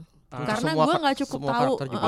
eh, gue nggak cukup tahu banyak tentang karakter Betul. karakter yang gue tonton gitu. Bahkan apalagi ketika Linda ya iya harusnya kita berpihak sama Linda kan, Benar. kayak eh, Linda ini kayak oke dia ya kuncinya padahal di situ. Iya, dia Ah. sebagai apa ya perspektif kita kan sebenarnya kita tuh ngikutin dia di film Hmm. ini. Cuman kayak kita cuma tahu dia mungkin dari ekonomi kelas menengah ke bawah karena Hmm. dia harus uh, kerja, Kerja gitu ya orang-orang sekolah. ini dia juga pertanyaan banget nih Heeh. gitu loh maksud dia eh, maksud gue kayak dia emang dia digambarkan kayak eh, dia harus kerja buat bisa kerjanya pun di di eh, convenience store Iya, biar bisa eh, ini apa biar bisa sekolah, Sekolah, bisa hidup sehari-hari Heeh. lah terus itu bokap nyokapnya bule loh Nah, itu Bokapnya. Dari bokapnya, mana? Bokapnya kan. nyokapnya itu kalau ini boleh spoiler gak sih benernya Udah, ini udah Udah. spoiler, udah kalau spoiler. nyokapnya kan kita mungkin diarahkan kayak yang diadegan pembukanya itu adalah Iya. nyokapnya kan Heeh. gitu jadi I mean like, itu juga boleh sih itu bokap juga Salvita nyokap kan. juga nggak ada Nah, kan itu- film. Deka. Kalau kita ngomongin soal orang tuanya Linda nih, Heeh. kita kan dari awal ad- awalnya nggak jelas kan apakah Linda ini bermimpi mimpi yang lain ataukah itu emang dia di masa kecil gitu. Nah. Kita baru tahu di agak-agak akhir-akhir gitu kalau itu tuh sebenarnya emang dia gitu loh dan Tapi emang ada dan benernya ketebak sih karena dia bisa kayak, Ibunya. kayak dia bisa baca kayak Iya, dia bisa ngerasain gitu. Cuma kan konfirmasi dari Betul, ceritanya tuh heeh. baru ada. Terus eh, digambarin itu ibunya nggak jelas ke mana kan. Terus Mm-mm, jadi mm-mm. di ketika adegan di convenience store itu Hmm. dia ditelepon sama bapaknya. Nah, yang kita lihat fotonya Heeh, dia heeh. ternyata bapaknya bule gitu kan. itu bapak aslinya Kathleen bukan sih? Kayaknya tebakan nggak nggak nggak tahu gue. Eh, cuman ya itu gue agak-agak kurang dapat back, back apa Backstory. background Iya. tentang si Lindanya ini. Jadi gue nggak terlalu bisa dan maksudnya digambarin kan dia eh, kenalan apa sih sama, sama si karakternya Jeffrey Nicole gitu kan. Ah, ah. Eh, terus eh, nggak kerasa juga apa ya? Chemistry-nya. Chemistry-nya agak-agak kurang juga gitu. Karena agak- mereka juga baru ketemu pas hari Bukan di geng, malam bukan itu satu geng kan Uh, sebenarnya. Iya, dan dimanfaatkan itu kayak uh, si Kathleen ini adik kelasnya yang Mm-mm. dimanfaatin buat masuk ke dalam itu Iya, doang gitu ha-ha, kan. ha-ha. Hmm. Jadi eh, apa ya? Dari segi kayak gitunya aja gue udah mulai eh, kayak gue butuh I need more, More, gitu bener. supaya gue bisa Paling nggak dari beli- karakter Jeffrey percaya. Nicole yang yang jelas-jelas kelihatan kayak ada love interestnya gitu kan. Harusnya lebih lebih Mm. kerasa tapi kayaknya sebenarnya jadi- kerasa sih si apa karakternya Jeffrey Nicole cukup kayak Ah, ah, ngebelain ah. Linda banget tapi gitu. Indian juga jadinya kayak ya sama kayak teman-teman geng yang lainnya gitu. Mm-mm. Pada, pada akhirnya kan kayak gitu jadinya Mm-mm. kerasa gitu. Nah, Tapi- itu ah. karakter-karakter itu Underused banget. kalau gue lebih ke situ sih concernnya eh, Angga dan Vincent gitu. Jadi Hmm. eh, emang itu yang membuat gue jadi kurang bisa menikmati. Relate, Terus hmm. kayak tiba-tiba di akhirnya tiba-tiba si Benny-nya dimunculkan sebagai eh, anggota anggota Nah, sektenya itu heeh. kayak eh, fungsinya apa ya? Terus kayak mungkin ini terlalu banyak yang disimpan buat nanti kalau dibikin sequel heeh. gitu ya. Menurut kalian gimana? Kalau nonton ini, apakah emang sengaja di di apa di di Emang gitu informasinya? kayak dikip kip dulu iya. dia Ah, emang hemat ya. gitu. Mungkin mau dibikin Dread Out 2 Kalau kemungkinan tuh kayaknya mereka udah jelas pasti. Pasti. eh, Iya kan, kalau misalnya dari- sukses pasti dibikinin. Kalau lagi. dari dari pengemasan ceritanya pun kayak seolah-olah gitu nggak lah. sih? tapi tapi tapi nggak bisa kita nggak bisa nggak bisa dengan seenaknya sendiri kita membuat orang bertanya-tanya karena ini menurut gue bukan Nah, itu gue setuju. karena yang yang paling penting dari dari filmmaking adalah storytelling Iya gitu loh. betul. dan kayak ini di sini emang udah di dikeliatin dikit-dikit eh, maunya ke arah mana tapi menurut gue kalau untuk saat ini untuk Mm-mm. uh, the big the big uh, the big concept the big story-nya itu Iya. harusnya ada harus ada yang di- diselesaikan lebih Iya. dahulu lebih dijelaskan lebih dahulu jadi biar Mitosnya dulu deh si yang Ah, ah. awal pembukanya itu adegan apa? Itu apa, itu Iya, ngapain betul. Yang ada di, di apa ditikam keris Iya. itu. bener Terus eh, maksudnya apa yang terjadi di situ sampai itu harus akhirnya- ada menurut gue Ah, kalau kalau di penting banget kan untuk sebuah soalnya. Hmm. franchise itu menurut gue tetap harus ada harus dijelasin jadi biar penonton itu masih penasaran untuk berikutnya gitu Iya, betul. kalau misalnya dia di sini dibikin nanggung kayak gitu apaan sih nggak jelas nggak jelas nggak jelas gue malas ah ngikutin yang berikutnya gitu kan Mm-mm. I mean kalau misalnya lu mau ngembangin sebuah franchise harus ada yang diselesaikan dulu di Mm. pertama di awal yang keduanya itu Hmm. baru expandingnya gitu loh Gitu. pengembangannya lagi Mm. bikin sesuatu yang baru lagi Hmm. apa gitu rahasia lebih gede lagi kayak Hmm. kalau kita lihat Harry Potter Lord of the Ring terus eh, Hunger Games Fondasinya jelas udah ya. jelas jadi Mm-mm. untuk berikut berikutnya dia kalau di- misalnya di, di trailer film keduanya itu ada yang di tease lagi yang oh ini bakal ada yang ini yang baru gitu Ya. apakah itu lo mesti nonton lagi kayak gitu maksud gue Mm. konsep sebuah franchise harusnya kayak gitu tapi kalau ini masih terlalu ngambang Kalau ini tuh kayak gue sepanjang film ditakut-takutin tapi gue juga nggak takut Nah karena bener, nggak- karena gue nggak kayak paham. gitu ah, betul. takut-takut tapi nggak Bukannya nggak takut paham ya, cuman kurang kurang kayak kurang bisa kebawa ke ar- ke Hmm. alur Bener. ceritanya. Karena gitu. kecepatan juga sih kayak dedek dedek dedek Mm-mm. gitu loh kan kayak cerita satu malam aja. Cerita satu malam gitu. Tapi bener kata Lisa yang tadi yang di awal kan sempat di sesi non spoiler gue sempat bilang kalau gue cukup engage dengan Hmm. eh, Opening adegan opening. Ya. Karena gue pikir ini bakal terjelaskan ini modal menarik Nah banget. itu gue juga Ternyata nggak sih. dapet kan. itu itu kenapa si satu or- kelompokan itu pengen ngebunuh orang yang di Nah, itu itu kita nggak dia. jelas apa Hmm. itu gitu. ritual gunanya buat apa Iya, sampai apakah segitu itu- pengennya ah, dibacain gitu. apakah itu kan. exorcism atau apa gitu nggak jelas gitu dan akhirnya nggak terjelas juga gitu. Sayang Tapi sih kan emang. di kalau kita balik ke kertas-kertas yang ada Perkamennya di meja itu. itu, perkamennya itu itu kan ada kayak ya tadi Vincent bilang ada kayak Hmm. company Belandanya. Iya. itu harusnya seolah-olah ada ini background sudah story terjadi history dari gitu ya. zaman kolonial Iya, harusnya Belanda terus kayak mungkin sekian tahun nggak tahu kan kayak gitu-gitu tapi Ini menurut- gedungnya gedung tinggi gedung modern Menurut gitu. gue uh, perlu ada satu karakter la- kunci lagi yang Hmm. yang tahu banget tentang ritual ini buat menjelaskan secara pasti. Kalau di sini kan kita kayak Kita dari sudut pandang mereka yang Hmm. cuma bisa nebak-nebak aja dari apa yang mereka temukan gitu loh. Jadi kayak ya itu kekurangannya. Menurut gue bukan bukannya memancing pengen tahu tapi kayak yang uh, ngambang gitu kayak. Iya betul ngomong. Akhirnya kita ya udah nggak peduli juga gitu loh. gitu. Iya. Mungkin karakter si Benny itu yang akhirnya ternyata dia adalah anggota sekte itu kan itu sebenarnya bisa dieksplor jadi dia sebagai orang yang bisa menjelaskan Nah, latar ah. belakang semua bapaknya itu. itu cuma kelihatan cuma kelihatan Di di, awal, awal doang. Iya. gitu. Mm. Hmm. Kayak tokoh orang tua di film ini nggak ada yang komplit maksudnya nggak nggak komplit ngasih informasi ke Nggak, kita ah. juga gitu dari awal kayak nggak jelas namanya siapanya tuh Betul. perannya apa di dalam you know uh, Iya. konflik yang lagi terjadi Benar, ini gitu kan Uh, jadi ceritanya cuma anak-anak iseng ke gedung tapi kok ternyata semuanya connected gitu kan jadi kita Hmm. butuh penjelasan lebih lanjut gitu ada catatan lagi nggak dari fil untuk film eh, Angga banyak nih kayaknya Angga nih. keluarkan nggak keluarkan Coba dilihat listnya, gila panjang loh listnya dua halaman loh. Ya, ini copy paste. Enggak, eh, gua eh, karena yang tadi kita udah sempat bahas soal Oh, gue mau nambahin nih apa, poin yang paling ganggu bener ya. Eh karakternya itu bener-bener dibebasin tuh mau ngomong apa nyeletuk apa. Pada akhirnya kayak eh, overlap banyak overlap kayak tumpuk-tumpukan jadi Hmm. ini ngomong apa sih nih orang karakternya kayak nggak jelas gitu loh. Hmm. Dan beberapa karakter kayak terutama si si Shio Manasero ini suaranya bener-bener yang kayak ngomong kayak apa kayak gak kurang jelas artikulasinya gitu loh. Yang jelas dia cuma ngomong anjing doang. anjing Anjing. anjing anjingnya ci- eh, apa namanya Sunda bang anjing anjing gitu. Ya itu, kalau itu secara teknis sangat ganggu sih menurut gue kayak. iya lo- heeh. eh, apa itu ya lontar-lontaran perkataan mereka itu ya Uh, uh, harusnya kalau uh, director itu boleh lu nyeletuk tapi juga harus jangan sampai overlap gitu jangan sampai uh, harus jelas harus di kalau gue sih biasanya uh, directornya itu ngulang lagi oke lu lu tahan dulu jangan ngomong dulu ntar ngomongnya abis ini aja gitu jadi adi- di- harus ditata semuanya jadi Hmm. biar nggak tumpuk-tumpukan jadi malah Dan masa paniknya nggak uh, uh, kelihatan ya kalau panik ada yang mereka nyele- kalau ada kalau ada yang nyeletuk yang nggak penting tahan dulu deh gitu loh biar Kalau- nggak ganggu malah kalau gua soal ini sih soal budaya di film ini karena tadi kan Hmm, kita udah lihat ya. ini Sunda bahasa Mm-mm. Sunda dari awal latarnya latar Sunda dengan si Jeffrey Nicole gue bingung "Wah, ini kalau gak Sunda iya dari awal Angga langsung kayak kok Jeffrey jadi Sunda nih si akang-akang kakang-kakang terus ternyata eh, baca baca pekramen itu ternyata pakai bahasa Jawa Hmm. Eh, Mm-mm. rumah joglonya itu kayak rumah joglo Jawa Jawa Jawa Tengah Hmm. Uh. Eh, campur-campur kan jadinya gue jadi nggak ngerasa aja jadi ini sebenarnya eh, mau ngomongin latar apa nih dan Hmm.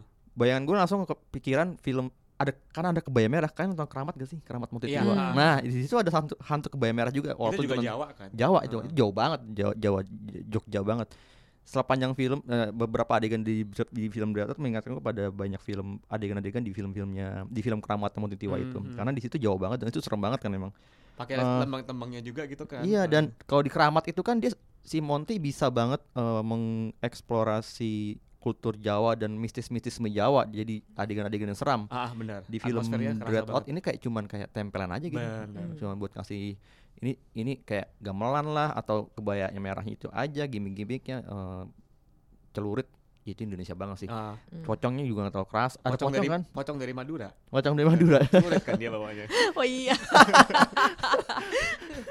dulunya waktu hidup jadi jadi ini kayak pet- petani apa yang suka mengani-ani gitu kan Aneh-aneh. ani-ani udah ber ani-ani udah bergeser ya artinya sekarang ya iya bahasa lu sesuai KBBI ya. Apa aneh-aneh. Iya gitu. Jadi Iya, hmm, iya, kayak iya. ini apa sih kulturnya gitu. Kayak tapi nggak kalau misalnya menurut gue pribadi ya kalau misalnya emang eh, film ya tapi apalagi bang benar-benar fiktif menurut gue nggak masalah sih kalau mau dia mau mengfusion budaya-budaya yang ada karena Indian kalau mau misalnya dijual ke luar pun eh, mereka mengenalnya sebagai Indonesia. Indonesia gitu Tapi gue, kayak nggak ada benang merahnya mind sih.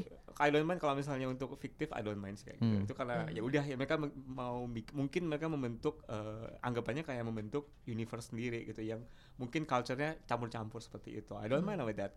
Apalagi fiktif ya kalau misalnya emang apa eh, apa namanya re- based on reality, based Hmm. on history baru lah ya kita boleh permasalahan itu. Tapi kalau ini I I don't think so. Tapi memang benar kalau menurut gue bener yang yang lu bilang nggak kalau misalnya emang kerasa kayak tempelan kayak elemen-elemennya nggak nggak nyatu gitu loh Hmm. bener-bener Tapi ada Hmm. lu dengar ada soal gamelan gak sih di film itu? Iya. ada, ada ada, kan ya? heeh. Jadi Itu kayak gamelan tapi kayak ya? kayak samar-samar doang dan Iya, itu juga iya. kadang-kadang kadang-kadang kayak kecampur sama eh, musik-musik teknonya itu ya nggak sih Iya. Heeh. iya iya iya Eh, iya itu di- menarik juga ya kalau ya. ngomongin budaya ya Hmm. eh, Oh, budaya. apa apakah itu sebaik sebaiknya stay true dengan seja apa sih asal usul benar eh, sejarah yang mau kita pakai atau enggak gitu. Itu Hmm. tadi catatan, menarik juga dari Angga sama Vincent.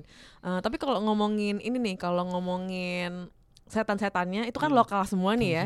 si si pocongnya ini menurut kalian gimana tuh pocong mata satu? inovasi Itu Inovatif tunggu, banget sih itu. gue mau nanya dulu ke Vincent. Itu di gamenya kayak gitu tampilannya? iya benar Mata satu juga? Pocong mata satu atau like I said eh, emang ada karakter yang paling paling unik menurut gue yang Hmm, paling hmm. stand out karena Hmm. uniknya itu adalah pocong yang pakai bawa celurit Mm-mm, kalau di gamenya memang mungkin gue nggak bilang itu mata satu ya karena emang agak nggak ke- kelihatan? tersingkap dikit doang kepa- Oh, bagian kepalanya itu oke. bagian wajahnya kesingkap dikit Hmm. aja dan memang yang kelihatan cuma satu mata doang Mm-mm, mm-mm. gitu Nah itu gue agak-agak dari awal kan kita ngeliat adegan itu pocong lagi menggeliat-menggeliat Ah. terus mau ditikam keris kan. Heeh. Terus ketika dia siapa tuh Linda keluar dari portal, terus ketemunya sama si pocong ini gue pikir waduh langsung ketemu nih gitu. to head Tapi gitu. ternyata banyak ya ternyata Ah, itu ah, ternyata banyak dan ternyata bukan itu yang karakter yang lebih jagonya lagi ternyata si kebaya merahnya merah ini, ini. gitu. Dan kebaya putih yang anak Oh kecil. kebaya putih juga Iya, ada gak si di, kebaya di putih. game ada? di gamenya ada. Oh ada Hmm, juga. Emang bisa jalan ke langit-langit gitu. Iya bener kayak Oh, bener-bener kayak kayak kayak crawling in Iya the iya wall iya. gitu. iya. Heeh. Oke menarik. Sebenarnya Celuritnya gue gue suka sih. Iya, Bagian celurit. Ini itu Cukup lokal. Indonesia banget Innova- lokal banget. ya. Lokal tapi inovatif kan. itu gue suka sih bag- bagian dia mengadopsi apa ya hantu-hantu lokal terus senjata-senjata lokal Iya, juga iya. kan itu kayak emang Hmm, fusion. iya fashion Keris. gitu. Gitu. Ada catatan lagi dari Vincent atau enggak tentang ini? Em, gue itu aja tapi menurut gue yang paling yang paling menonjol yang paling, paling tetap kita bisa appreciate adalah visual efeknya bagus Hmm, sih menurut gue. Mm-mm. Heeh, gue sih agak-agak ini dengan CGI-nya Vincent. kenapa kenapa? Yang bagian tertentu. Yang di yang dia masuk ke lubang itu, Ah, terus ada yang keluar dari tanah itu kan. mm. Mungkin nggak yang si Linda jatuh ke kayak kuburan tapi Ah, kebuka ah. gitu yang ada tangan. Oh, Oke. Itu loh yang ada CGI-nya agak-agak Terus pas keluar ada Eh, muka, muka agak-agak si pocong itu keluar. Gitu. Kalau itu, itu sih gue agak-agak itu. Kalau menurut gue kayak yang CGI yang yang oke itu kayak eh, pendar-pendar dari perkamenya itu kan kelihatan real sih. Ah kelihatan iya, iya itu gue suka. Iya Terus iya iya. port- perubahan portal dari yang apa, Portalnya bagus sih. bagus itu Hmm. itu menurut gue itu itu adalah hal yang paling susah untuk eh, dibikin Iya. real tapi nyata Heeh. kenyataannya bisa dan bagus Iya, gitu heeh. kalau nggak kelihatan Gue ngebayangin nih case-case-nya syuting nyebur-nyebur gitu kan. Itu Ah, air ah, hitam sama- beneran sih ya. itu studio semua sih Tapi air hitam beneran tuh kayaknya. Gue ngeliat behind the scene itu air hitam beneran. beneran Geluh. Ah, Iya, pewarna bener. kali ya iya sih kayaknya pakai warna. Waduh, jangan licin. Salah satu yang menarik itu sih aja- eh, pas eh, portal kebuka dan ada si Kang Herman, eh Kang Heri. Ini bocor nih ledong. itu bodoh banget sih, bodor banget. Kan logikanya di lantai di lantai 6 ya nggak salah Dia berusaha mencari mencari logi, Penjelasan. logisnya Ah. tapi nggak dapat juga. gitu. mana ada kolam lantai 6 kan Muter-muter lagi. tapi gue suka banget sama acting-acting yang ada di film ini. Menurut gue cukup natural semuanya. Hmm, Mungkin hmm. eh, Jeffrey, Jeffrey gue lumayan. kekurangannya dia mungkin being themselves menurut gue Iya betul betul betul banget. Jadi mungkin ini kalau tadi dibilang kekurangannya suka overlap, suka ah, ah, ah. saking saking saking semua orang semangat mau Excited ngomong gitu gitu, ya. ya. Tapi emang gue jadi merasakan sangat anak mudanya tuh kerasa banget sih. Jadi gue suka keganggu dengan film-film yang nggak memperhatikan cara Chemistry, bertutur oke. nih. Jadi kalau cara bertuturnya aneh tuh kayak itu mem- berjarak kan. Jadi kita agak-agak aduh ini apaan sih kayak nggak nggak believable banget, nggak nggak daily nggak daily, nggak daily life gitu. Cuman Ah. kalau yang ini tuh emang ini banget sih. Dan Jeffrey Nicole emang ya Potensi, Bad boy ada potensi iya, loh dia. Dia tinggal emang dapetin skrip tinggal sama dapet- director aja. yang tinggal dapat peran ya. yang agak lebih sedikit menantang gitu yang Jeffrey keluar Nicole, dari terus, uh, uh, Kathleen, bagus Susan Sameh Iya. bagus I like Iya. Susan Sameh di sini Iya, ya. Gue Susan juga Sameh. suka Susan Sameh. di Rachel. McAdams uh, dicampur sama sama apa? Sama ini si Anne Hathaway menurut gue. Wow.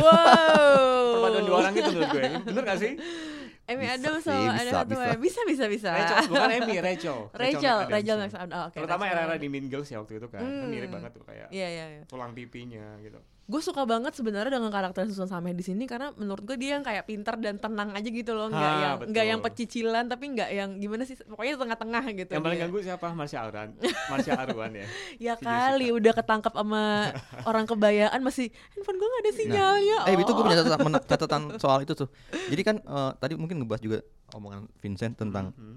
dan Lisa tentang handphone yang basah Hmm. bisa tetap nyala gitu kan di film ini. Dan eh, kan gini ya kalau di film itu harusnya logika ceritanya memang logika cerita film kan. Memang Betul. berbeda banget dengan dunia nyata. Cuman ada logika-logika yang akhirnya harus dipat logika yang memang tercipta karena storytellingnya gitu.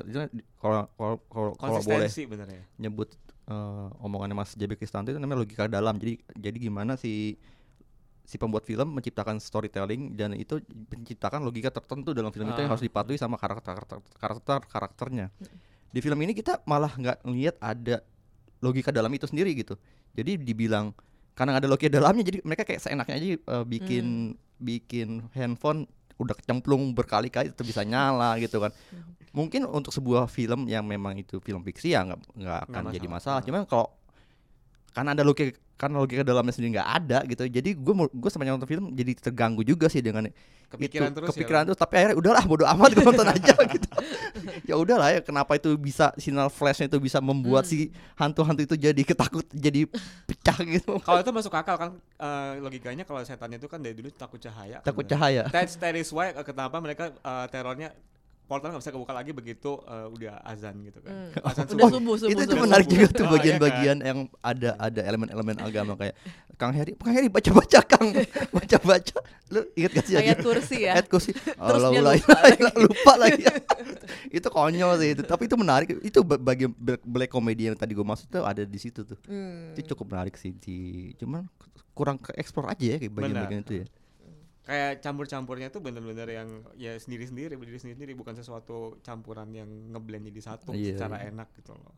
sama gue pas akhirnya nonton film sampai akhir ini gue gue kepikiran wah ini tumben-tumbenan nih ada sem- ada film kayak gini yang yang horor Hmm. eh, supernatural atau horor horor demonik ini tapi semua ininya semua karakternya masih hidup semua Oh iya benar. Iya betul. Nggak biasanya kan dia mati kalau kayak gitu Iya. kan kalau di film ini nggak ada Hollywood yang dikorbankan ini nggak ya. dikorban oke bagus Benny, Benny gue kira udah hampir mati sih. Iya. Kak- Kang apa itu juga juga apa sih Mike Loko juga kirain Enggak. mati. Kang Heri. Kan waktu Kang dia, Heri. dia mau di apa mau dicelurit itu, lah dia kepalanya hilang lagi kayak kayak di rumah darah. Gue baru kan. mau bilang keluar nih Kimo Timo. Gua nggak mau ternyata keluar enggak Timo Brothers. Dan Mike Lukok lagi jadi korbannya kan. Iya. Eh lah ternyata cuma disenggol doang, sering masuk air.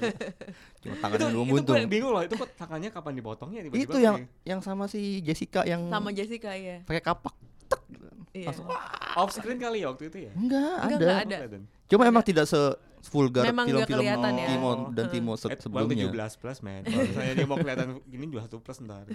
ya itu ya akhirnya kita bisa melihat semua karakter masih hidup eh, termasuk si siapa Si Benny-nya. Benny yang di alam lain itu kan gitu Dan gue kaget loh begitu. Hah, ternyata Benny anaknya si ini gitu. nah itu salah satu Nah mungkin itu modal kunci buat ya, kunci itu. Kenapa nggak modal ya? cerita berikutnya Iya, Karena di gamenya Disney. ada ada Bu Siska, tapi Bu Siska nggak digambarin punya anak gitu loh. Jadi kayak oh Oke. ini menarik sih. Iya iya. iya. oke Gue bakal gue masih tertarik untuk lihat sequelnya asalkan Hmm. bener-bener banyak eh, catatan-catatan yang kali ini bener-bener digarap lebih baik lagi ke depannya Hmm. gitu. Masih ada potensi menurut gue. iya Ya. sih film ini menurut gue memang bisa Potensial. dibilang potensial dan memang dia kalau boleh dibilang di atasnya Danur Danur Danur dan Alaspati dan segala macam Mm-mm. tapi masih di bawah sebelum iblis jemput menghadapi Hmm. setan Ah. keramat ya tapi potensial banget sih Paling nggak konsepnya udah eh, kebangun bagus. Tinggal ya udah eh, storytellingnya aja lo Iya, nyampein eksekusi ya. filmnya gimana gitu loh. Tinggal itu aja sih. betul Ya, yang mau lihat Jeffrey Nicole Topros juga ya. oh iya Bisa aja Kimo emang nih. gue pas pas ada adegan itu si Lisa kan bisa aja Kimo gue bilang terus gue gue timpalin ini mah terpengaruh Jojo Oke, sekian dulu uh, review kita tentang film Dread Out. Uh, Vincent, kalau orang mau ngobrol sama lo di sosial media, di mana tuh? Bisa eh, lewat Instagram atau Twitter, dua-duanya sama-sama aktif. di- Handle-nya apa namanya? Sama, sama dua-duanya sama at Vincent Jose, V I N C E N T J O S E. Ah, Udah Oke, gitu aja. gitu kalau mau ketemu sama ngobrol-ngobrol sama Vincent Atau di bisa dunia maya atau, bisa visit blog gue blognya. aja uh, uh, di The Jose Movie Review uh, blogspot.com. Oke, thank you banget Vincent Thank udah you, nge-review film Dread Out bareng kita. Ini fun banget ya. Kita bakal sering undang-undang lagi. Eh, ini dulu eh, sampai sini dulu ya episode kita kali ini. Kita eh, mungkin next time akan nge-review apa nih enggak? apa ya Eh, maksud kita maksud kita review Kayaknya kita mau nge-review Black Mirror deh abis ini. Ada Gua yang nonton Black ya. Mirror? Gila Ada udah, nonton udah Black banyak Mirror? episodenya. yang ini Iya, yang film. filmnya. Oh, Yang- yang yang bisa milih itu Iya, interaktif bisa itu. milih. oh itu interaktif Nah, storytelling mungkin ya kita akan mereview itu sampai ini. Oke, thank you banget udah dengerin sampai sekarang. Showbox adalah kolaborasi dari Good Show dan Box to Box Media Network. Iya. Thank you. Thank you, Bye-bye. Bye.